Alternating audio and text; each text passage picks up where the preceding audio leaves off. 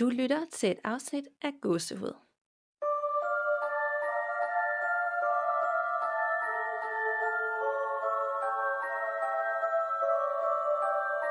Hej Nana, Hej Danika. og velkommen til episode 78.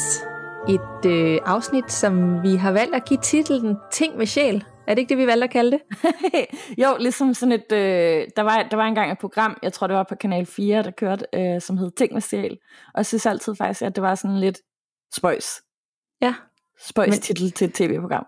Ja, men, men også et eller andet, det kan rumme helt enormt meget, og det har faktisk været rigtig spændende at research til for os, øh, fordi vi er meget fascineret af det der med objekter og ting, som kan have ånder tilknyttet, og især efter vores episode om spejl, som jeg ikke lige kan huske nummeret på, kan du det? Nej, desværre. Øh, det må vi lige få med, når vi øh, skriver teksten til episoden, men så vidste vi i hvert fald bare, at vi gerne vil dykke mere ned i det, og øhm, ja, det er jo så i dag, vi skal det. Og Ja. vi, det er lidt noget andet, fordi det er jo ting med sjæl, så det er lidt bredere, men alligevel ikke helt anderledes. Så det glæder jeg meget til. Ja, det gør jeg virkelig også. Og jeg ved også allerede, at vi skal lave et nyt afsnit på det på et tidspunkt, fordi at, øh, jeg har fundet så mange andre ting, der kunne være så spændende at snakke om også. Mega fedt. Og øh, lad os som altid lige sige de der magiske ord. Nu har vi ligesom sagt, det skal vi til at blive gode til, så vi ikke inviterer noget ind, vi ikke har lyst til. Ja. Øh, og, øh, vi bevæger os i lyset og er ikke interesseret i at invitere noget negativt ind. Nemlig. Fik jeg det med? Ja. Ja, det tænker jeg. Og så også det der med lige at forestille sig, at man sidder i, beskyttet i noget hvidt lys af en klokke, eller ligesom har et låg over sig. Så, så Ja, og når-. I måske er færdige med at lytte til afsnittet, så igen sådan lige få, få lukket helt af. Det kan jo ikke skade, tænker jeg. Nej, nemlig. Det kan ikke skade noget. Men er der sket noget øh, hos dig, siden vi har snakket sidst? Altså, der er ikke sket det store. Øh, det sådan vildeste, der er sket, er nok bare, at øh, mit, mit gulv igen er begyndt at knage på sådan en måde, så det lyder som om, at øh, der er nogen, der går, går hen over det, og sådan, så bliver jeg lidt forskrækket over det, og så har jeg haft nogle fuldstændig vanvittige drømme, der bare har været sådan øh, super realistiske også, sådan, så nogle gange så vågner jeg, og så tænker jeg sådan, hvad er der sket? Altså, hvor er jeg? Og var det en drøm, eller sådan, ja, hvor jeg lige sådan skal finde mig selv, når jeg vågner. Sådan, ja. Så har der da været lidt gang i den. ja, det må man sige. Men bare sådan nogle stille og rolige ting, der ikke Ja, ja, ja. sådan nødvendigvis er noget. Hvad med dig? Jamen, øh, det har faktisk været meget stille siden sidst, og det er jeg helt vildt glad for, fordi der var det jo sådan noget flyvende objekter, apropos det at snakke med ting med sjæl. Øhm, så det var ret voldsomt på en eller anden måde. Jeg har virkelig prøvet at tælle det ned, også ja. Over for andre, og også sådan lidt, ej, var det egentlig så vildt og sådan noget. Men det var faktisk rigtig, rigtig vildt, synes jeg. Så jeg er rigtig glad for, at øh, nu er det kun en uge siden, vi optog sidst, fordi vi lige er lidt på forkant i forhold til ferie. Øhm, så er det bare rart med en uge med ro, og vi har fået en ny seng herhjemme, og det er som om, det er også ligesom, vi har faktisk også stillet den anderledes. Ja. Det har bare givet en mere sådan en ro om natten, og altså jeg vågner stadigvæk, men det er ikke tre gange, hvor jeg vågner i sådan night terror. Nu er det måske én gang. Det, med- det har i hvert fald hjulpet, og det håber jeg holder ved. Så jeg er meget, meget glad nu. Jeg ved godt, man ikke skal sige sådan noget her, fordi sidst jeg gjorde det, så var det jo, at, at ting begynder at flyve og sådan noget. Ja. Så det går ikke godt. Ej, Ej, jeg håber da, det fortsætter på den der måde. Det håber jeg også. Det er i hvert fald rigtig, rigtig dejligt. Så, Ja. øh, Inden vi går i gang med dagens emne, så har vi en kort sponsorpause og reklame for vores samarbejdspartner HelloFresh. Og øh, HelloFresh, de er vores faste partner her i 2021, og det gør det nemlig muligt for os at producere gåsehud.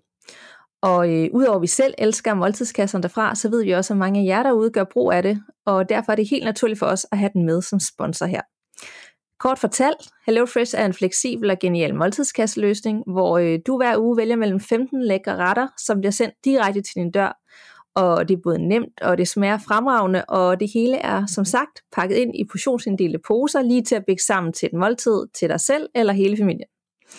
Og i sidste ende sparer man også en øh, god pose penge for sin madbudget, netop fordi man ikke ender helt desperat i supermarkedet en mandag aften kl. 17, eller bestiller takeaway flere gange ugenligt. Og du får som lytter af godset op til 725 kroner rabat på dine fire første kasser med koden HelloGH, og det er store bogstaver. Og det er melderværk, hvis du er ny kunde hos HelloFresh. Som altid, giv lyd, hvis du har prøvet det. Vi vil så gerne høre, hvad du synes derude. Og hvis du endnu har til gode at prøve det, så er det også en måde, hvorpå du kan støtte op om os ved at bruge de rabatkoder, vi skaffer til dig.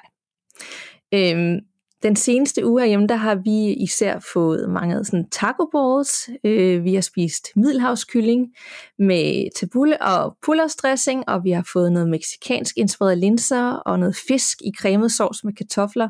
Det har virkelig været let og frisk og sommerligt det hele. Og hvad med dig, Nana? Jamen, jeg tror faktisk, vi nærmest har fået det samme. Det er da helt vildt. Ja. Fordi at, øh, jeg har også fået, øh, fået middelhavskylling, og, øh, og jeg har også fået den her taco portal, som var virkelig lækkert og frisk, og passer perfekt til det her sommervejr. Ikke? Og så har jeg fået kartoffelpizza og noget honning og oregano stegt halloumi, fordi det her halloumi, det er jeg virkelig blevet kæmpe fan af. Det smager simpelthen så godt. Lækkert. Ja. Og hvis du sidder derude og lytter med og tænker, det har jeg ikke prøvet nu, det her Hello Fresh, men det kunne jeg virkelig godt tænke mig at prøve, fordi det lyder virkelig praktisk og lækkert. Så øh, får du som sagt op til 725 kroner i bat på dine første fire kasser.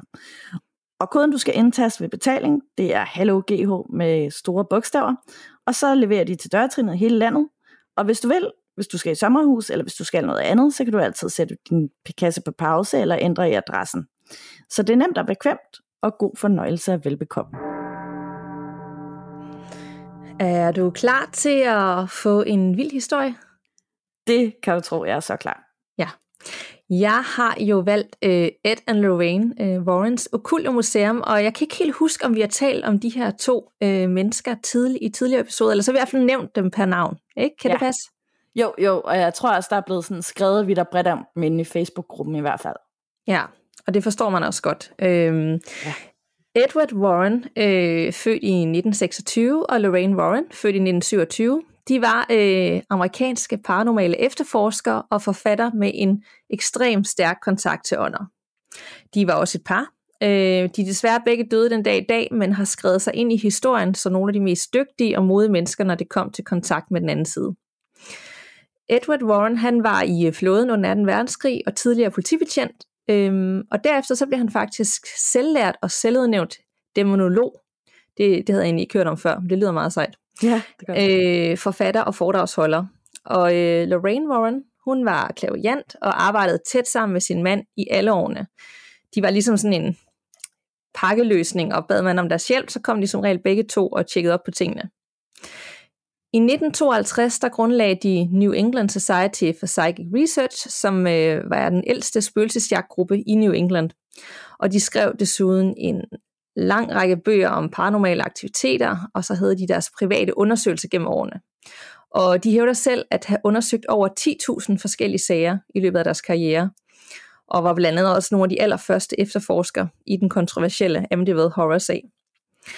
Øh, parret de stod derudover for uddannelsen af flere demonologer øh, gennem årene, og, men det jeg skal tale om i dag, det er deres ukulte museum, som huser mange af de her ting og objekter, de har samlet sammen gennem årene. Og sådan som jeg forstår det, så har de som regel taget det med, som har tortureret andre, og ligesom låst det ind i sikker rum, så det ikke kunne blive ved med at genere folk. Hmm. Det okulte museum det ligger i deres hus i uh, Monroe i Connecticut, men da de begge er døde den dag i dag, så kan man faktisk ikke komme ind og se det længere, da der ikke rigtig har været nogen til at drive det videre. Så uh, museet står der stadig ikke den dag i dag med alle tingene, og alt det er uhyggeligt, men det er, sådan, det er helt tomt for alle levende sjæle. Det er vildt nok, at de ikke har kunne finde nogen, der ligesom gerne ville overtage det. Jeg tror lidt, det er fordi, det har været i deres, altså deres eget hus. Jeg det tror slet ikke, at det måske skulle have startet med et museum, men så havde de bare pludselig så mange ting. Ja. Så åbnede de op, og det er, jo, det er jo i kælderen i deres eget hus, så måske det er også lidt, lidt privat, jeg ved det ikke. Nej. Men det har været åbent helt fra dengang i 50'erne, og så faktisk ind til, jeg tror det var i 17 eller 18, hun døde. Ja. Så øh, op til for nylig, så har man faktisk kunne besøge det, så det, det er rigtig ærgerligt. Ja, det er. Nå, men øh, det her okulte museum, det blev påbegyndt af Ed, og indeholder angiveligt genstanden fra adskillige af deres undersøgelser, som de mente skulle være forbandet eller hjemsøgte. Og øh, til de er der måske ikke lige hed, ved, hvem de her Ed and Lorraine Warren er, så er der en del film, som er baseret på deres undersøgelser. Her blandt øh, The Conjuring, øh, The Haunting in Connecticut, Annabelle og Insidious og The Amityville Horror, bare for at nævne nogle få. Øhm, og nu til det meget spændende og uhyggelige, og måske det, der får dig til at ønske, at du ikke bliver fanget alene nede i det her ukulte museum en mørk og stormaften. aften. Museet har været åbent siden 1952. Øh, jeg faktisk siden dengang de grundlagde det her New England Society for Psychic Research. Og her har de samlet hundredvis af artefakter, der efter deres mening var rørt af ondskab, og det hele lå ind i kælderen i deres eget hjem. Og øh, jeg har rigtig mange billeder derfra, øh, som jeg også nok skal dele ind i Facebook-gruppen, som giver en rigtig god idé om, hvordan den her stemning er nede i kælderen. Og alene det, det er i en kælder, en mørk, mørk kælder, øh, det, var, det, det er virkelig klamt, når man ser de billeder. Ja. Og, og man kan ligesom også godt fornemme, at øh, hensigten måske ikke har været at starte et museum, øh, fordi jeg bare har taget alle de her hjemsøgte sager med hjem, og måske også blevet lidt sådan interesseret i at samle, ikke? altså blevet lidt en hobby, og pludselig har det bare grebet om sig, og offentligheden har fået interesse for stedet. Ja. Og øh, den ekscentriske samling indeholder alt fra en påstået øh, vampyrkiste til børns gravsten, der bruges som et satanistisk alter, øh, nogle dødsforbandelser, dæmonmasker og nogle hjemsøgte fotografier, der pryder alle væggene derude, bare for at leve lidt af det. Og derudover så har de så opkøbt en masse gamle uhyggelige props gennem årene, nok for at skabe en ekstra klam stemning, når gæster kommer på besøg. Og det mest kendte objekt fra deres ukulte museum, det er nok den her forbandede Raggedy Ann dukke med navn Annabelle, som mange af os kender, og efter sine menes at have dræbt en mand. Og Annabelle, hun sidder låst inde dernede i sin glaskasse, lyst op af et hjemsøgende rødt lys. Mm. Og det er meget sjovt med Annabelle, fordi at øh, dem af os, der har set filmen, har ligesom en idé om, hvordan den her dukke ser ud. Øh, men i virkeligheden, så ser den helt anderledes ud, end den gør i filmen. Mm. Meget mindre dæmonisk, men alligevel på en eller anden måde mere creepy, fordi det faktisk er mere realistisk på en eller anden måde. Det har faktisk været en dukke, som folk kunne gå ud og købe i en legetøjsbutik. Ja, jeg er ret sikker på, at min søster faktisk havde sådan en øh, næsten man til, da hun var lille. Og det er klamt. Ja. og ser man øh, på deres samling, så kan man nærmest også tro, at helvede og ondskab har et eller andet for dukker. Og det er jo også ligesom vores erfaring, når vi har været inde og research, og vi har haft et helt afsnit om hjemsøgte dukker. Der er bare noget med dukker. Præcis. Og jeg har selvfølgelig også taget de mest uhyggelige og forbandede objekter med, så øh, du derude får en idé om, hvor slemt det faktisk står til i det her museum. Først og fremmest så øh, har det okulte museum et hjemsøgt klaver, som øh, Ed Warren altid hørte spille af sig selv, men stoppede igen lige så snart han gik ned i kælderen for at undersøge sagen nærmere. Og Ed og Lorraine de fik angiveligt klaveret fra en præst efter han stod. Øh, klaveret det optræder endda kort i uh, The Conjuring-filmene, i uh, Annabelle Come Home, eller Annabelle Comes Home, når babysitteren går ind i et værelse i Warrens hus og spiller på det. Så de bruger faktisk tit, altså de rigtige ting i filmene, det er ikke sådan en replika. Så det er de ret vildt. Ja, ikke? Jo, det, altså det havde jeg heller ikke tur at gøre, nej. bruge de rigtige ting, nej. Og øh, så er der en øh, forbandet samurai-dragt dernede, som også har optrådt i flere film i The Conjuring-universet. Heriblandt også i Annabelle Comes Home, da to teenagepiger tjekker det her museum ud med hjemsøgte objekter. Og i filmen er de to unge piger fascineret af rustningen, og da de fortsætter med at stige på den, så begynder de sådan at kunne høre en masse fjerne skrig fra offrene, som øh, samuraien slog ihjel. Og det var også det, som Ed og Lorraine hørte, nemlig de her mange skrig fra de mange sjæle, som har lidt en forfærdelig død. Og det, det kan høres nede i det her museum, eller det kunne de i hvert fald høre. Øh, et objekt, der var helt særlig betydning for The Warrens, det var en øh, mursten fra Borley Rectory, som er en bygning, der siges at være den mest hjemsøgte bygning i Storbritannien. Og selvom det bare er en beskeden mursten, så er det uhyggeligt i sig selv, fordi den kommer fra så skræmmende et sted. Og de, var det det sted, du talte om på et tidspunkt?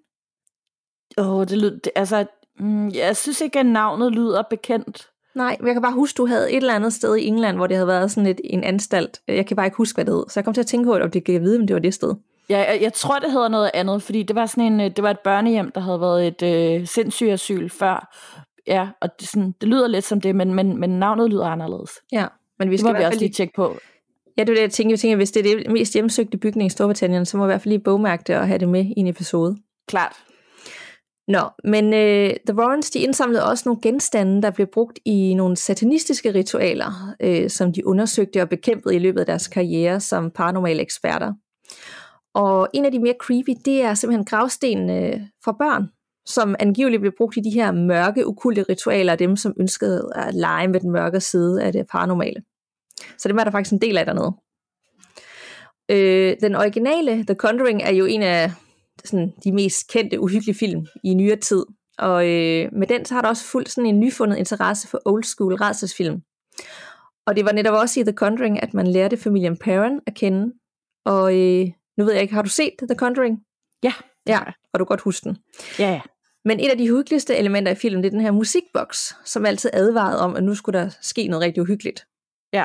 Og den musikboks er også et rigtigt objekt, et hjemsøgt objekt dernede, og er sikkert gemt væk i deres museum, og er faktisk nærmest blevet synonym med filmene bagefter. Mm. Så er der øh, Dødens Perler, som er en af de farligste genstande på deres museum. Og efter sine så er det en forbandet halskæde, der siges at kvæle dem, der bærer den. Og øh, alle de tidligere ejere, de har klaget over den her følelse af at blive kvalt, mens man bærer den. Så dem har de også fået derned.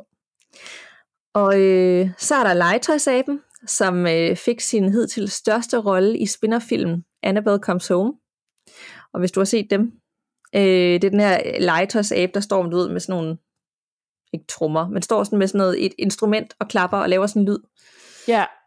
Øhm, men efter sine er den besat af en dæmon i virkeligheden, og nyder at forfølge sin ofre, før den til sidst går af med den. Så øh, den er også øh, passet rigtig godt på dernede. Så er der øh, Satanic Idol, øh, som er en virkelig skræmmende og fjollet figur. Jeg skal også nok lægge et billede ind af den.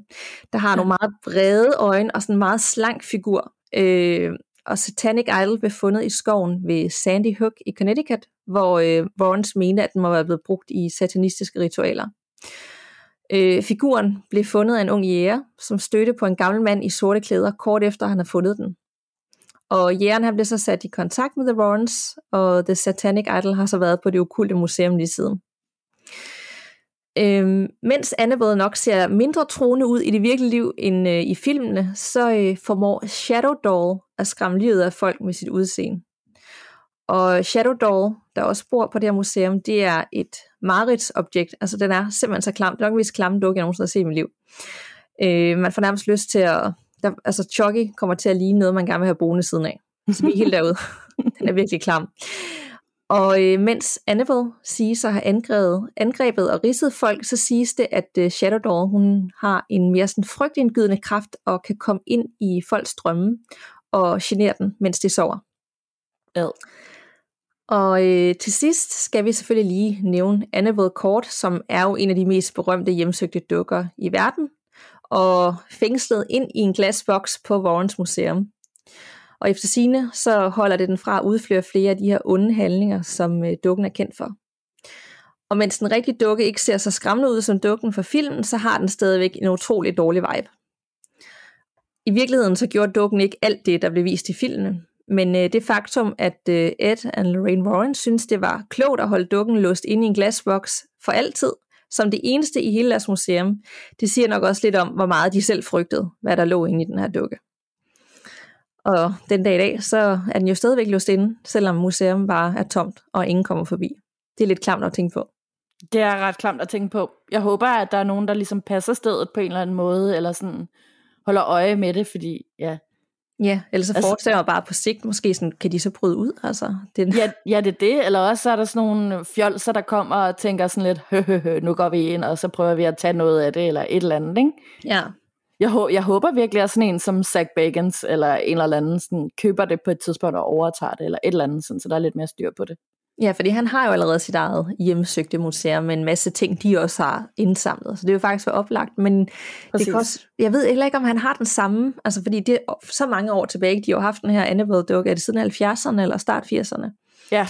Om han har den samme respekt for det, de kan. Fordi han har tendens til at være sådan et daredevil og vil gerne udfordre det onde, ikke? Jo, nemlig. Om han så bare kunne finde på at tage den ud, og så bare øh, se, hvad der skete om natten, hvis den ikke var låst inde eller et eller andet. Jamen, det er selvfølgelig rigtigt, ja. ja. Ej, jeg håber bare virkelig, at der sådan snart er en, der har sådan ansvarlig, mm. som overtager det hele. Og, ja. Præcis. Altså, det lyder jo fuldstændig fantastisk, at man har fået lov til at komme ind og se alle de her ting. Altså, jeg vil elske at få lov til at komme ind på et museum. Ja, det vil jeg også. Altså, ja, jeg vil også elske det, og jeg tror faktisk også, at jeg vil være der, hvor at jeg vil tage den i hat på og, og tænke sådan, det skal der ikke noget ved, at jeg ja. gør. Åh oh, ja. Nå, hvad har du til mig? Jeg har øh, en historie om et øh, hjemsøgt maleri, som er sådan virkelig, virkelig spooky. Og maleriet hedder The Hands Resist Him. Og øh, der er virkelig ikke nogen tvivl om, at hele det her maleri er super creepy, når man først ser det det forestiller en ung dreng, der står ved siden af en pigedukke, der har hule øjne, det vil sige, der er ikke nogen øjne inde i de her øjenhuler. Og øh, så har hun en trist nedadgående mund. Og dukken den holder også en ubestemmelig dims, muligvis et batteri eller et eller andet med øh, ledninger, der stikker ud af den. Men det uhyggeligste ved det her maleri, det er selvfølgelig de mange øh, børnehænder, man kan se, som ikke rigtig sidder fast på nogen synlig krop, som øh, strækker sig hen imod drengen gennem glasset på en dør, der er lige bag ham. Ej, ad. Ja. Men igen, det mest uhyggelige er selvfølgelig selve øh, historien om, hvad der er sket med de mennesker, der har været i kontakt med maleriet her. Og selve baggrundshistorien er ikke så beværkelsesværdig i sig selv. Det blev malet i 1972 af en kunstner, der hedder William Stoneham, og han havde en kontrakt på at skulle producere to malerier om måneden for hver øh, 200 dollar med et galleri. Og i 1974 så blev du udstillet på Fine Garden Gallery i Beverly Hills i Kalifornien. Og her blev det anmeldt af kunstkritikeren for Los Angeles Times, som hed øh, Henry Seldes. Og øh, efter det så blev det opkøbt af skuespilleren John Marley, som man nok kender bedst for at være øh, ham, der øh, vågnede op ved siden af et hestehoved i sin seng i uh, The Godfather-filmen. Men det er så herfra, at øh, mystikken begynder. Et par år efter maleriet blev solgt, så øh, døde kunstkritikeren Henry Seldes. Og derefter så døde galleriets ejer, og til sidst døde John Marley i 1984. Maleriet forsvandt derefter, og så dukkede det først op igen i cirka år 2000 i et meget bizart indlæg på øh, en eBay-annonce. Hvor at øh, de nye ejere forsøgte at sælge det, fordi de sagde, at det var hjemmesøgt. Og de her ejere, de hævdede simpelthen, at drengen og dukken på billedet sloges med hinanden om natten, og at det skræmte deres fireårige datter fra videre sans. Så de havde sat et kamera op, der havde de her bevægelsessensorer, øh, og placeret det i samme rum som maleriet, og så optog de tre nætter i træk, og hævdede, at de fangede drengen på billedet, imens han var i gang med at forlade rammen, og simpelthen kom ind i lokalet, som om han var flygtet fra maleriet i skræk og redsel. Ej. Ja, og i det, som skeptikerne måske har tænkt var et marketingstunt i den her salgsannonce, så advarede ejerne også potentielle købere om ikke at byde på, ma- på maleriet, hvis de var svage sjæle, eller hvis de simpelthen var uerfarne med overnaturlige hændelser. Og den her salgsannonce, den endte med at gå viral, og øh, der var mere end 30.000 mennesker, som besøgte aktionssiden.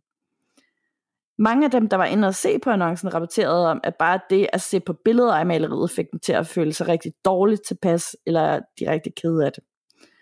Og øh, her er der et udklip fra den originale tekst fra eBay. Da vi modtog dette maleri, så troede vi, at det var rigtig god kunst. Der var en picker, det vil sige sådan en øh, kunstscout, der havde fundet det efterladt bag et gammelt byggeri. På det tidspunkt undrede vi os lidt over, hvorfor et tilsyneladende helt fint maleri ville blive kasseret sådan. Men det undrer vi os ikke længere over i dag. En morgen hævdede vores 4,5-årige gamle datter, at børnene på billedet kæmpede og kom ud i rummet om natten. Nu tror jeg ikke selv på UFO'er eller på, at Elvis stadig er i live, men min mand var noget for uroliget over det. Til min morskab satte han et bevægelsesudløst kamera til at optage om natten og efter tre nætter var der billeder. De sidste to viste billeder er fra den fangst. Efter at have set drengen til syden blive troet til at forlade maleriet, besluttede vi, at maleriet skal væk. Bedøm selv, og før du gør det, skal du læse følgende advarsel og ansvarsfraskrivelse. Advarsel. Byd ikke på dette maleri, hvis du er modtagelig for stressrelateret sygdom, har et svagt hjerte eller ikke er bekendt med det overnaturlige begivenheder. Ved at byde på dette maleri accepterer du at frigøre ejerne af et hver ansvar i forbindelse med salget eller eventuelle begivenheder, der er sket efter salget, der kan forbindes til det maleri. Dette maleri besidder måske eller måske ikke overnaturlige kræfter, der kan påvirke eller ændre dit liv. Ved at byde accepterer du dog udelukkende at byde på værdien af kunstværket under hensyntagen til de sidste to fotos, der er vist i denne aktion. Og du holder ejerne uskadelige i forhold til dem og deres indflydelse, udtrykt eller underforstået. Så det er jo noget af en rimelig voldsom øh, advarsel i forhold ja, det, til at skulle købe det her maleri. En vild disclaimer, man lige har med der. ja, det er det. Det endte faktisk med, at øh, maleriet det blev solgt for øh, 1025 dollars og gik til en køber i Michigan, der angiveligt stadig opbar, opbevarer det. Og han afviser meget, meget større tilbud for andre, som gerne vil købe det. På grund af den her øh, internetsensation, så øh, stod øh, maleren bag det, Stoneham, frem og fortalte, hvad det var, der havde inspireret ham til at male sådan et hjemsøgende motiv. Drengen, sagde han, det var ham selv, og øh, det blev malet ud fra et fotografi, der var blevet taget af ham, da han var fem år gammel. Titlen kommer fra et digt, der er skrevet af hans daværende kone, og den lyder Hans resist the secret behind his birth. Og øh, oversat til dansk er det hænderne modstå ham som hemmeligheden bag hans fødsel. Stoneham var netop adopteret, og øh, børnehænderne bag ham, de repræsenterer de andre liv, han kunne have haft. Glasdøren, det er den her barriere mellem verdener, og dukken skal så forestille at være hans guide mellem disse verdener. Berømmelsen af det hjemsøgte maleri, det førte til bestilling af flere værker, og Stoneham har malet en række efterfølgere. Det seneste, det er kaldet uh, The Hands Inventum, og uh, skildrer scenen fra den anden side af glasdøren. Og jeg kan godt sige, ja, at jeg faktisk næsten synes, at det maleri er endnu mere uhyggeligt, og jeg lægger selvfølgelig alle billeder op af det. Jeg gør egentlig det. Jeg er meget ja. spændt. Jeg forestiller mig mit hoved, hvordan det ser ud, men overhovedet ikke ligesom kan kapere det. Ja, præcis. Det, det, er, altså, det er virkelig creepy. Creepy, creepy, creepy. Ja. Og øhm, i 2016, der offentliggjorde Darren Kyle O'Neill en dramatiseret beretning om det berygtede øh, hjemsøgte kunstværk. Og titlen var The Hands System: Be Careful What You Bid For. Og øh, her der bruger O'Neills fortælling maleriet som grundlag for en fiktiv fortælling om en seriemorder, der så bliver kendt som øh, The Life Swapper. Og øh, jeg har prøvet at søge på den, men øh, jeg har ikke øh, kunne finde den, men det kunne være sjovt lige at finde den et eller andet sted og se den. Så jeg prøver lige at søge videre, inden, inden det her afsnit udkommer. Ja. Ikke overraskende, så har O'Neill også sin egen uhyggelige oplevelse med det her meget creepy kunstværk. Og han fortæller, Jeg så det første gang online, da jeg boede i Dubai. Og jeg printede et billede ud af det, og så efterlod jeg det på et bord ved siden af nogle andre dokumenter, der er blevet udskrevet med den samme printer og med det samme papir. Og så tog jeg til Italien i en måned. Da jeg kom tilbage, der var airconditionen gået i stykker, og alt i mit hjem var grønt af skimmelsvamp. TV'et, laner, min datters barneseng og hendes tøj, alle mine outfits i mit skab, og de dokumenter, jeg havde trykt, alt var grønt. Men lige ved siden af dokumenterne, der var det eneste, der var helt uberørt. Og det var udskriften af maleriet. Virkelig, virkelig creepy og mærkeligt. Ja, meget.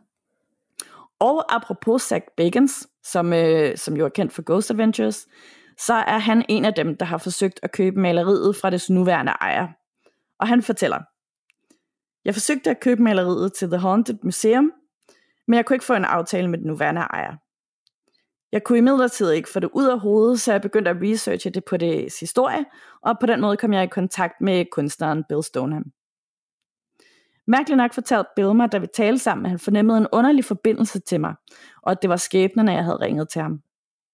Så til sidst malede han en efterfølger til The Hands Resistem, som han kaldte The Hands Inventum. Det portrætterer det indvendige af vinduet fra det originale maleri. Så det var altså Zach Bagans, der, der fik det. Okay. Det var fuldstændig surrealistisk oplevelse for mig, og det endte med at blive endnu mere uhyggeligt. Bill ville nemlig ikke have, at jeg skulle se maleriet, før det var blevet færdigt og blevet sendt til mig. Mens maleriet var på vej, så begyndte flere medarbejdere på The Haunted Museum, og jeg selv at høre lyden af et barns trehjulede cykel, der kørte igennem Ej, bygningshaller. Ja, så uhyggeligt. Lyden blev ofte ledsaget af den ringende lyd fra en cykelklokke. Og omkring samme tid, der var der en pære inde i, i et rum i museet, som hedder The Oddities rum, øh, der eksploderede fuldstændig uforklarligt på mystisk vis. Det var placeret over en gammel møntopereret maskine, sådan en man putter mønter i, for at den skal fungere, som var udstillet lige der. Den her særlige maskine havde en lang slange, der kom ud med en hånd i den ene ende af den. Da maleriet så ankom, så jeg, at det forestillede en lang slange med en hånd for enden, der ringede på klokken på en trehjulet cykel. Jeg var fuldstændig i chok over det. Jeg havde ingen logisk måde at forklare forbindelsen mellem maleriet og begivenhederne på The Haunted Museum, udover at Bill Stoneham er en meget mystisk person. Han laver også tarotkort og er, i kontakt, og er meget i kontakt med den anden side. Så på en eller anden måde skabte vores forbindelse et link mellem mig og to forskellige versioner af The Hands malerierne. Så det er spændende, og på en eller anden måde, så føler jeg faktisk ikke, at det er det sidste, vi kommer til at høre i den sag. Nej, overhovedet ikke. Det virker meget åbent det hele. Ja, det gør det nemlig. Det er sjovt, for jeg har faktisk lidt en lytterforretning med i dag, der også anbefaler noget med malerier, så der er nærmest sådan et tema, maleritema. Ja, det er der, men det var også, altså da, da jeg søgte på, sådan, hvad jeg skulle tale om, der, der, der er sådan flere malerier. Der er jo også det der, de grædende børn øh, malerier. Ja, og det støder man faktisk rigtig tit på herhjemme i genbrugsforretninger. Har du lagt mærke til det? Ja, det gør man. Og det, det er lidt sjovt, fordi jeg, sådan, jeg læste også lidt op på det nu her, mens jeg sad og researchede det, det her. Og øh, der var simpelthen øh, den her sådan urban legend, eller den, den her scene om, hvad billederne kunne gøre, at det var dem, der sådan kastede forbandelse over et hus, fordi at så kunne hele huset brænde ned, og det eneste, der var fuldstændig perfekt stand, det var det her billede af øh, det grædende barn. Ja. Og øhm, folk blev så bange på et tidspunkt, jeg tror faktisk, det var ikke var længere tilbage end 70'erne eller sådan noget, at øh, de simpelthen samlede flere hundrede tusind af de her øh, malerier og brændte dem. Ja. Jamen det er rigtigt nok, jeg kan faktisk godt huske det. Altså, det er netop også det der med, at hvis man havde det maleri, eller det var altså sådan en urban legend, så ville ja. ens, ens hus brænde ned. Ja, det er ja, så creepy. Så hver eneste gang, jeg falder over det, det står tit også rundt i København ved sådan nogle antikforretninger, sådan, det er der næsten altid et eller andet sted. Ja. Man får sådan helt ah, kuldegysninger, man går forbi og tænker, hvem er det, der nogensinde vil købe det her, efter alt det, man har hørt? Nemlig, ja. Nej tak. det kan være, at vi også skulle have, have den her, det her maleri med øh, i et afsnit. Måske et helt særskilt afsnit om malerier. Ja, helt klart. Det synes jeg er en god idé. Der, der er mange af dem åbenbart. Der er rigtig mange af dem. Men jeg kan ikke helt forstå det der med, at de så alle sammen sådan nogle, man skal holde sig fra, eller er der en original, som er den, der volder problemer, og så alle de andre er jo sådan nogle replika, eller kopier, ikke? Jo. Eller der er bare sådan en, en bad vibe over den alle. Altså alene det, at man har en grædende dreng hængende på sin væg, det skaber ikke en god stemning. Nej, nemlig. Det, det tænker jeg også, det er heller ikke noget, jeg har lyst til at have hængende i forvejen. Så. Nej. Men jeg tror faktisk, det er sådan, at det er sådan motivet, der er en forbandelse over, ikke kun et enkelt maleri. Ja, så hvis du falder over det derude, så don't buy it. ja, medmindre du gerne vil have, at dit hus brænder ned, selvfølgelig. Ja. Jeg fik lige jordens største chok, øh, fordi min mand sad ude i haven, og så dukkede han lige op over patienterne med sit hoved, lige da vi snakker om det. Og det var sådan helt, at ja, man er bare on edge, når man sidder op til de her, der skal ingenting til. Præcis, ja. Men det kan være, at øh, vi skal hoppe videre til ugens lytterberetninger. Jeg har to med, og du har et, fordi den første, jeg skal læse op, det har nemlig noget også med noget, en anbefaling i forhold til noget malerier. Spændende. Og det er fra din navnesøster Nana. Fedt. Kære Danika og Nana, tak for en fantastisk podcast, som jeg elsker at lytte til. Dog har jeg holdt en pause, da min mobil begynder at opføre sig virkelig sært. Den startede med at afspille podcast af sig selv, både morgen og aften, mens jeg mindst ventede det, og så derfor måtte jeg holde en pause. Det skal lige nævnes, at jeg bruger høreapparat, så lyden kommer højt direkte i min øre, og når man slet ikke er forberedt på det, så giver det virkelig et chok. Det lyder virkelig også ubehageligt, ja. Ja. I den pause, jeg har holdt med jeres podcast, har der intet været, som i overhovedet intet drilsk teknik været. Men så var det, at jeg begyndte at lytte igen her i weekenden, og nu er den gået i selvsving igen. I går var vi ved nogle venner, Mobilen lå i køkkenet, og vi sad i stuen. Og pludselig begyndte den at afspille jeres podcast. Jeg gik hen og slukkede og ville lukke selve fanen ned, men der var slet ikke nogen fan. Den startede af sig selv fire gange, selvom fanen var lukket ned, og jeg har undersøgt, om man kan sætte en timer på, så den starter sig selv, men det kan man ikke, så vidt jeg ved. Min veninde kiggede underligt på mig, for hun kunne jo ikke høre podcasten inde i mine ører. I morges sidder jeg så foran computeren og tænker, at jeg snart må sende jer en mail med mine oplevelser. Telefonen ligger lige ved siden af mig, og pludselig går en sang i gang i mine ører. Det var en julesang med Pius. Jeg får totalt gåsehud, og min telefon ligger, som om intet var hent. Jeg får den tændt og vil begynde på at trykke faner væk, så sangen kan forsvinde. Og jeg når at tænke, at det må jo komme fra YouTube, for ellers ved jeg ikke, hvor det kommer fra. Men til min store skræk ser jeg, at jeg ikke har en eneste fan åben, så min næste tanke er at tage høreapparaten ud, så jeg ikke får lyden til at stoppe. Jeg slukker mobilen, og da jeg tænder den igen, kan jeg se, at sangen kommer fra musikdelen på min iPhone. Jeg arbejdede for år tilbage i en børnehave, så jeg har noget børnemusik til at ligge på mobilen, men det er vidderligt fire år eller mere siden, jeg har brugt den, og jeg havde glemt alt om den. Efter jeg begynder at høre podcast, hører jeg aldrig musik på mobilen mere, om jeg fatter, hvordan den er tændt af sig selv.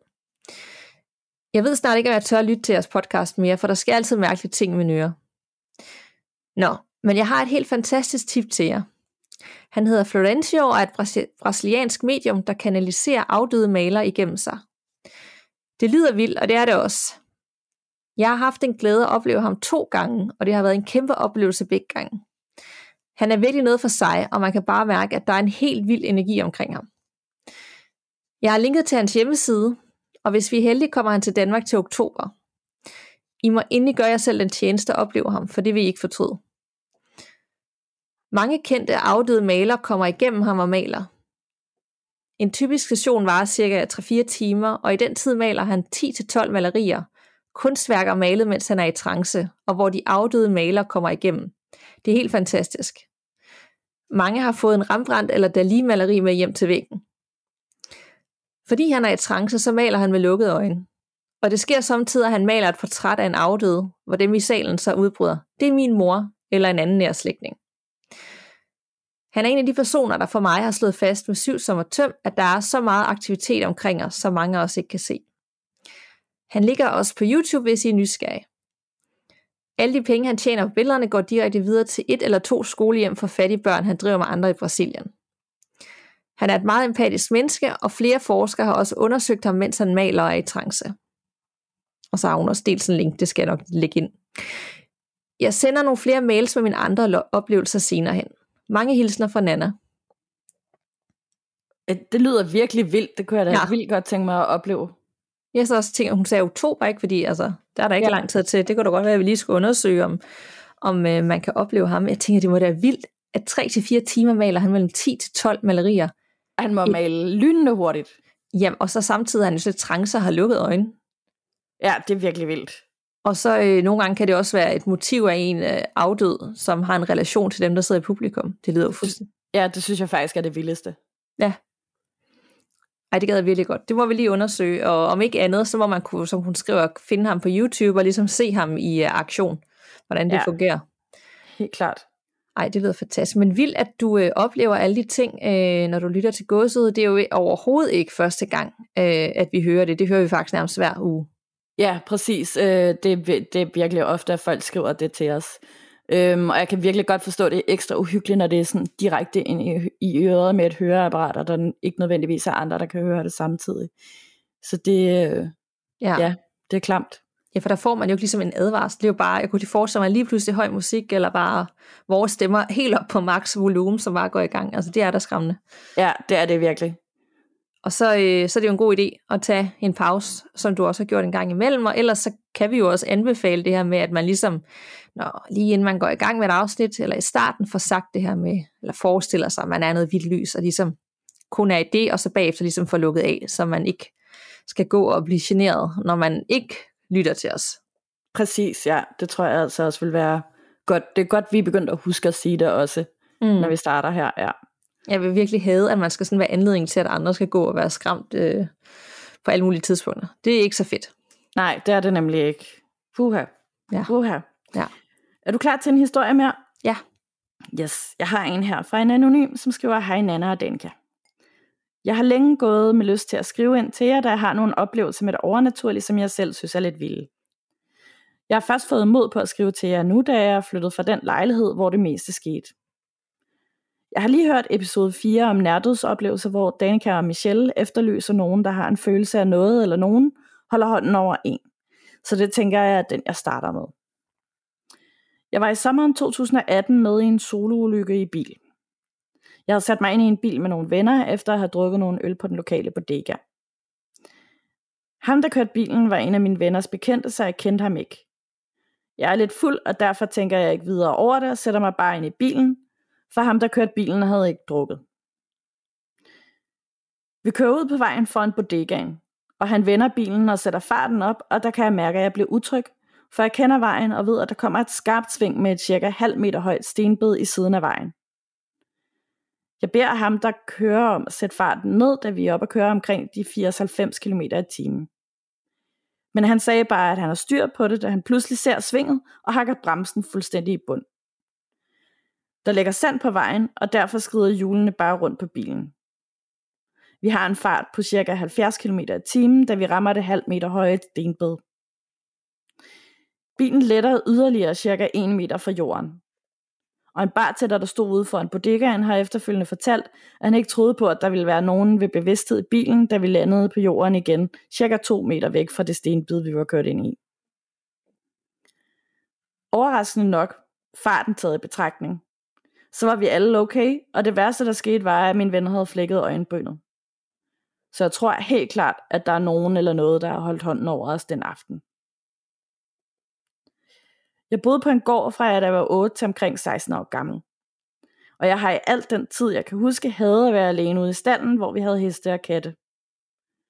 Der var et specielt sted i stallen, hvor jeg var rigtig utryg, og jeg løb forbi, hvis jeg skulle lukke hesten ind.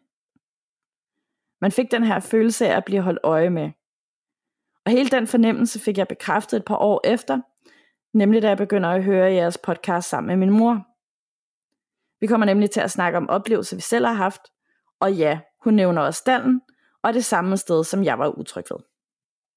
Hun siger, at hun kunne lugte lugten af en gammel mand. Og gården er fra 1940, så jeg kunne forestille mig, at der er en del historie der. Det er dog først, da jeg flytter derfra, at der begynder at ske ting, og det ikke er bare fornemmelser længere. Jeg flytter ind i en lejlighed med min mor og mine to søstre i sommeren 2017. Det første halvår sker der ikke så meget andet, end at jeg ikke har lyst til at være alene hjemme om aftenen. Men vi bliver alle sammen hurtigt enige om, at det bare er mig, der er en bangeboks, lige ind til den første rigtige hændelse. Min ene søster er nu flyttet hjemmefra, og derfor er vi kun mig, min mor og min anden søster tilbage i lejligheden. Vi sidder en aften i sofaen og ser en DVD-film. Jeg ser pludselig ud af øjenkrogen, at disken til DVD'en, som ligger åben, vipper fra den ene side, den ligger på, og hele vejen om på den anden side, hvor den bliver liggende i et eller to sekunder, for derefter at vippe tilbage til den samme side igen. Jeg kigger med det samme på min mors søster for at se, om de lige har set det samme som mig. Og der skulle ikke andet end blikket i deres øjne til at afsløre, at det havde de. Og det er herfra, det hele begynder at tage fart. Efter vi begyndte at snakke om det, skete der flere ting. Det skete mest på gangen, der gik fra min mors soveværelse hen til mit. Det var specielt trin, som om vi gik frem og tilbage på gangen igen og igen. Min første tanke omkring lyden af trin var, at det nok bare var gulvet, der gav sig, da det også er en ældre lejlighed. Men så en aften, så var jeg gået tidlig i seng og havde sat en film på. Og da jeg havde set min film færdig, ville jeg gå op i køkkenet og hente noget vand. Da jeg går tilbage mod mit værelse, kan jeg høre min mor irriteret sige, så går der i seng, i stedet for at blive ved med at gå frem og tilbage på gangen. Det løb mig koldt ned ad ryggen, og jeg spurgte bare min mor, hvad hun mente. Hun svarede, at hun ikke havde kunne sove, fordi jeg bare var blevet ved med at gå frem og tilbage på gangen den sidste times tid. Jeg får forklaret hende, at jeg altså har set en film, og derfor havde ligget inde på mit værelse, uden at flytte mig de sidste to timer. Hun undskylder sin vrissen, og jeg ender med at sove inde ved hende på grund af frygten for at gå tilbage på mit eget værelse. Trinene på gangen blev ved on and off, indtil vi flyttede for en måneds tid siden. Men aktiviteten blev kun værre, efter jeg begyndte at høre jeres podcast i sommer. De næste to ting er noget, jeg har fået fortalt af min mor, som har oplevet det. Jeg var selv taget i sommerhus med min kæreste og et vennepar. Samtidig var min søster på ferie med, med vores far, så min mor var altså helt alene hjemme i lejligheden. Hun ringer til mig en aften ved 22-tiden og spørger, om jeg har glemt mine solbriller på bordet. Jeg tænkte, at det var noget mærkeligt noget at ringe og spørge om klokken 10 om aftenen. Og jeg svarer, at jeg med vilje har lavet dem ligge på midten af spisebordet, da jeg havde nogen andre i min bil. Min mor siger så, Nå, så samler jeg dem lige op fra under bordet, så var det nok dem, jeg hørte falde ned. Og så fik jeg gåsehud, for jeg er stadig sikker på, at de lå inde midt på bordet, og der kan de ikke bare lige sådan falde ned og lande under bordet. Den næste og sidste hændelse fra lejligheden er fra, da min mor besluttede sig for at blive healet, fordi hun ikke sover godt om natten. Og healeren, der skulle komme og gøre det, kom hjem til os i lejligheden. Da hun vil sige hej til min mor og give hende hånden, er min mor brandvarm. Hvorfor fandt jeg aldrig ud af. Men de går ind i hendes soveværelse, og hun står med ryggen til døren, og siger så til min mor, at hun får at vide, at hun skal fjerne et spejl. Min mor bliver lige bleg i hovedet og spørger hende, hvor hun vidste fra, at der var et spejl bag døren. Kvinden smiler bare og siger, at det var dem, der havde sagt det, og ikke hende. Min mor flytter sig spejlet og siger farvel og tak til kvinden, der slutter af med at sige, at hun enten sover fantastisk i nat, eller ikke kan være i fred. Og inden hun går, siger hun også, at man bare skal holde spejl helt ude af soveværelset, da det virker som en portal. Min mor sover så næsten ikke hele natten, da hun har følelsen af, at hver gang hun lukker øjnene, så står der nogen og hiver hende i armen. Da min mor ringer til kvinden dagen efter, så lover hun, at det er det sidste, hun vil mærke i soveværelset. Og ganske rigtigt har hun sovet perfekt i det værelse siden. Jeg er nu flyttet fra lejligheden, men inden vi officielt flyttede, boede vi ved min mors kæreste, så lejligheden stod tom med alle vores ting i et par måneder. Da vi endelig besluttede os for at flytte helt sammen, skulle vi jo hen i lejligheden for at pakke. En aften, jeg var kørt hjem til lejligheden for at hente nogle kasser sammen med min kæreste, blev vi hurtigt enige om, at vi bare skulle have dem ned i bilen hurtigst muligt, da vi ikke følte os velkommen. Da vi havde taget de kasser, vi kunne have i bilen, slukkede vi lyset og var på vej ud. Det skal lige siges, at man slukker lyset inde i lejligheden, og så skal man gå igennem en mørk stue for at komme ud i opgangen. På vej gennem stuen føler vi os begge to jade, og ingen af os havde lyst til at hente flere ting, når der var mørkt. Nu bor jeg igen på en gammel gård fra 1919, og har ikke umiddelbart indtrykket af, at der sker noget her. Men hvem ved? Jeg har kun søvnproblemer, men det er jo ikke sikkert, at der er nogen overnaturlig grund til det. Hilsen anonym og PS. Tak for en fantastisk podcast. Det kan være, at jeg skriver igen, hvis der sker mere. Tak til dig for den. Altså, og var det vildt øh, med healeren der i soveværelset, der bare kunne mærke, der var et spejl. Ja, det er det virkelig. Og igen, de der spejle der. ja. Jeg sidder og optager ind i mit soveværelse, og jeg sidder sådan og kigger rundt. Har jeg et spejl et skjult sted, som jeg lige har glemt, der står et eller andet sted? Ikke? Eller bare et lille et, som faktisk kan ja. genere mig. Men det, det var også det første, jeg tænkte på faktisk, det var at vide, om du har et spejl inde i soveværelset. Ja, ja det, det har jeg umiddelbart ikke. Nej. Men altså, så har jeg jo billeder hængende på væggen, og det er sådan noget, hvor man kan spejle sig i billederne. Altså, ja. det, tæller det også? ja, det ved jeg ikke rigtigt. ja, det kunne faktisk, det var sådan lidt en gud, man kan jo få en healer ud i sit hjem. Altså, det er jo lidt, ligesom man kunne få en klaviant, men du ved sådan, ja. det gav bare god mening, hvis man sover dårligt, at man, øh, ja, det kunne da godt være, jeg kunne finde på det på et tidspunkt. Ja, det er nok ikke dumt. Altså, jeg har jo, altså, jeg bor i en etværelseslejlighed, så det hele er bare et rum, og jeg har jo masser af spejle over det hele, men, men jeg føler ikke, at der er nogen problemer i det. Nej, det er der jo heller ikke nødvendigvis. Men det er jo godt, hvis man virkelig sover dårligt og bliver forstyrret, at man får undersøgt det. Det var lidt klam, at hun lige skulle slutte den sidste nat af med, at hun føler, at nogen, der hiver hende i armen. Ligesom, vi vil ikke give slip, agtigt. Ja, ja, virkelig ad. Ja.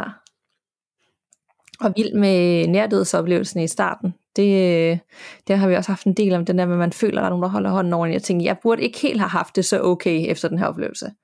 Ja, præcis. Og det er også, altså sådan, sådan som det er beskrevet, det er jo også, det vil nok, også efter hun har drukket nogle øl og sådan noget, at hun er så klar i hovedet omkring, hvad der er sket, at det er sådan, fordi det der, det, må, det har jo sket på et halvt minut eller et eller andet, men det, mm. det lyder jo som om, det er sådan en længere begivenhed, og det er jo bare fordi, at hun har oplevet det ja. på den måde, ikke?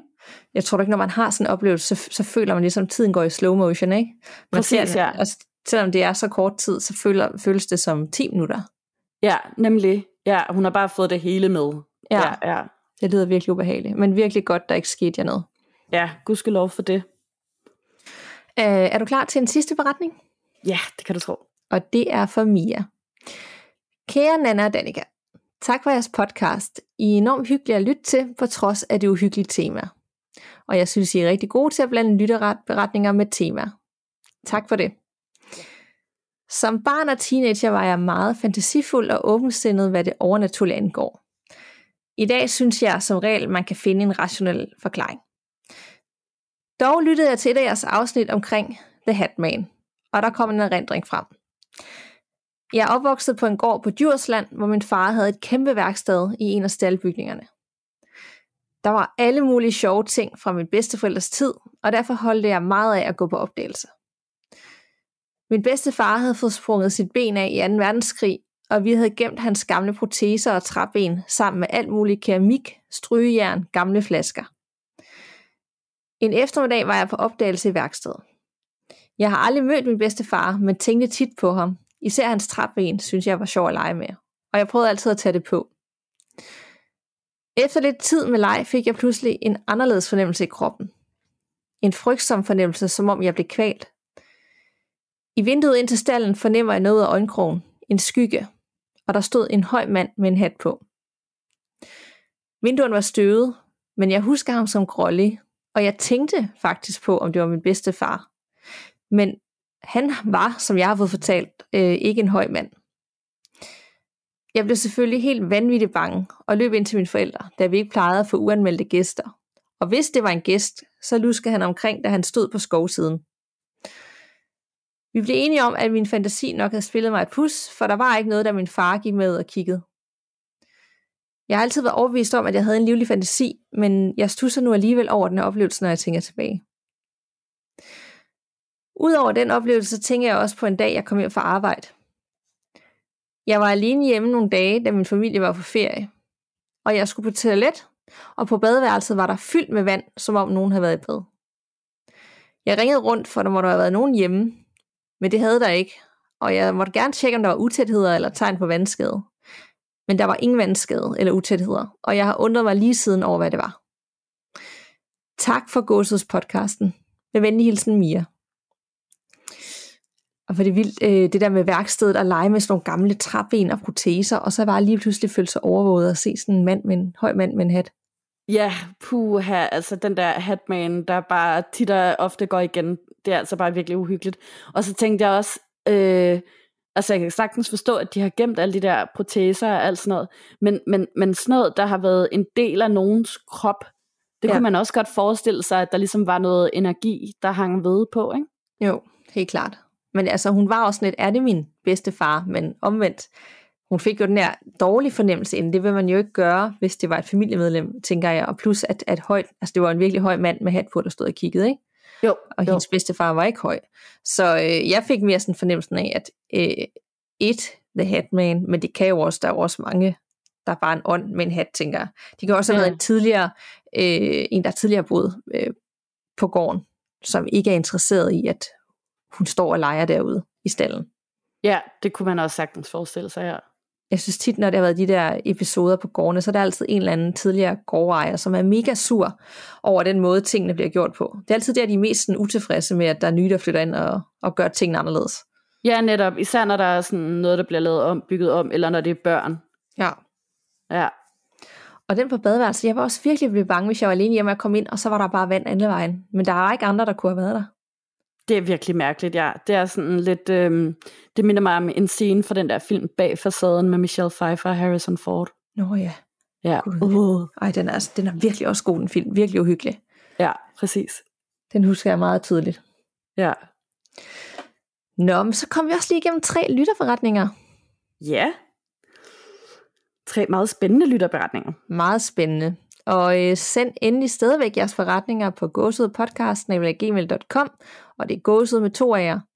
Og øh, så skal vi nok læse den op før eller siden. Vi har rigtig mange lytterberetninger nu, så der kan godt gå jamen, nærmest op til et år, nogle gange før vi når til det, ikke? fordi vi har simpelthen hundredvis i øh, indbakken nu. Men det er jo bare en god ting, og øh, hellere at vi har for mange, end vi ikke havde nogen.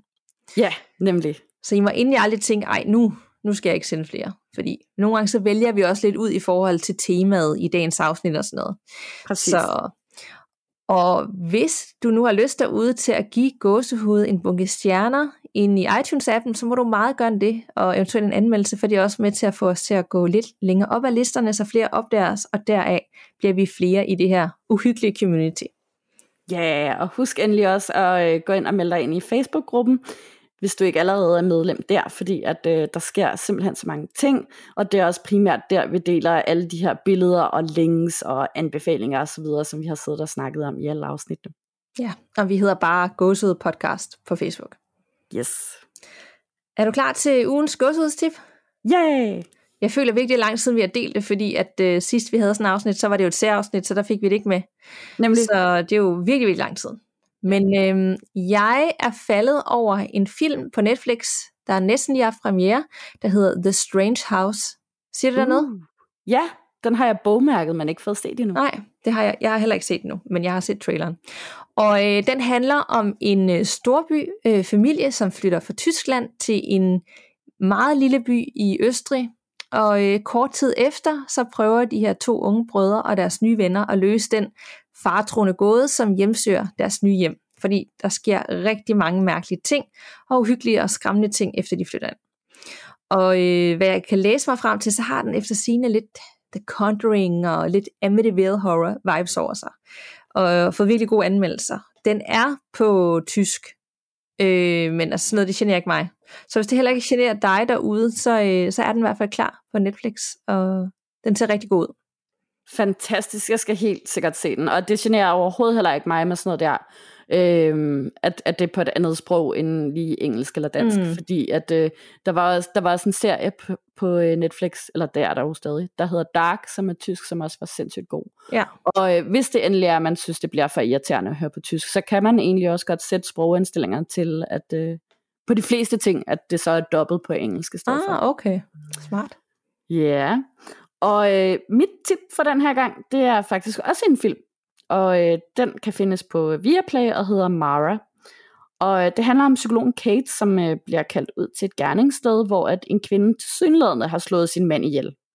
Men da hun begynder at interviewe kvinden og hendes datter, så fortæller de, at det er Mara, der har slået manden ihjel, og ikke hans kone.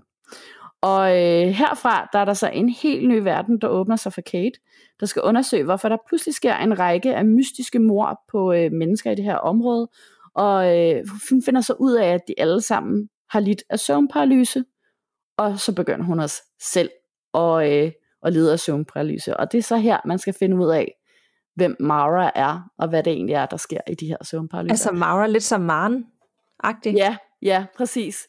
Og øh, altså, det er ikke fordi filmen i sig selv er nogen stor kunst i forhold til plot, eller øh, det er heller ikke lige frem de vildeste skuespilpræstationer, der står til en Oscar eller noget som helst. Men jeg var simpelthen skræmt af den, fordi at øh, sådan hele tanken i det her konceptet og sådan noget, det var bare virkelig, virkelig, virkelig uhyggeligt, især når man selv også lider af søvnparalyse. Den er jo indbegrebet af alt det, vi har talt om. Præcis, det er nemlig det, den er. Ja, ej, den lyder virkelig god. Den skal ja. jeg se. Yes. Nå, så kom vi igennem en masse ting med sjæl og lytterberetninger og gode, uhyggelige snakke. Yes, det har været et fantastisk afsnit, ja, føler jeg selv. Også. Det håber vi også, at uh, I derude synes, og man er jo altid velkommen til at, at sige, hvad, Nå, hvad, hvad synes I om afsnittet, og komme med lidt feedback, og også ønsker til emner, eller et eller andet specifikt, vi skal tage op i kommende afsnit. Det er faktisk det er rigtig rart nogle gange at få inspiration til, hvad det kunne være. Ja, det er det helt klart. Så det kan man altid skrive til os uh, ind i Facebook-gruppen, eller sende en mail. Så skal vi nok uh, se på det. Nemlig. Så uh, tak for snakken, Anna. I lige måde. Vi lyttes ved. Og pas på derude. Man ved jo aldrig, hvad der venter bag den næste dør.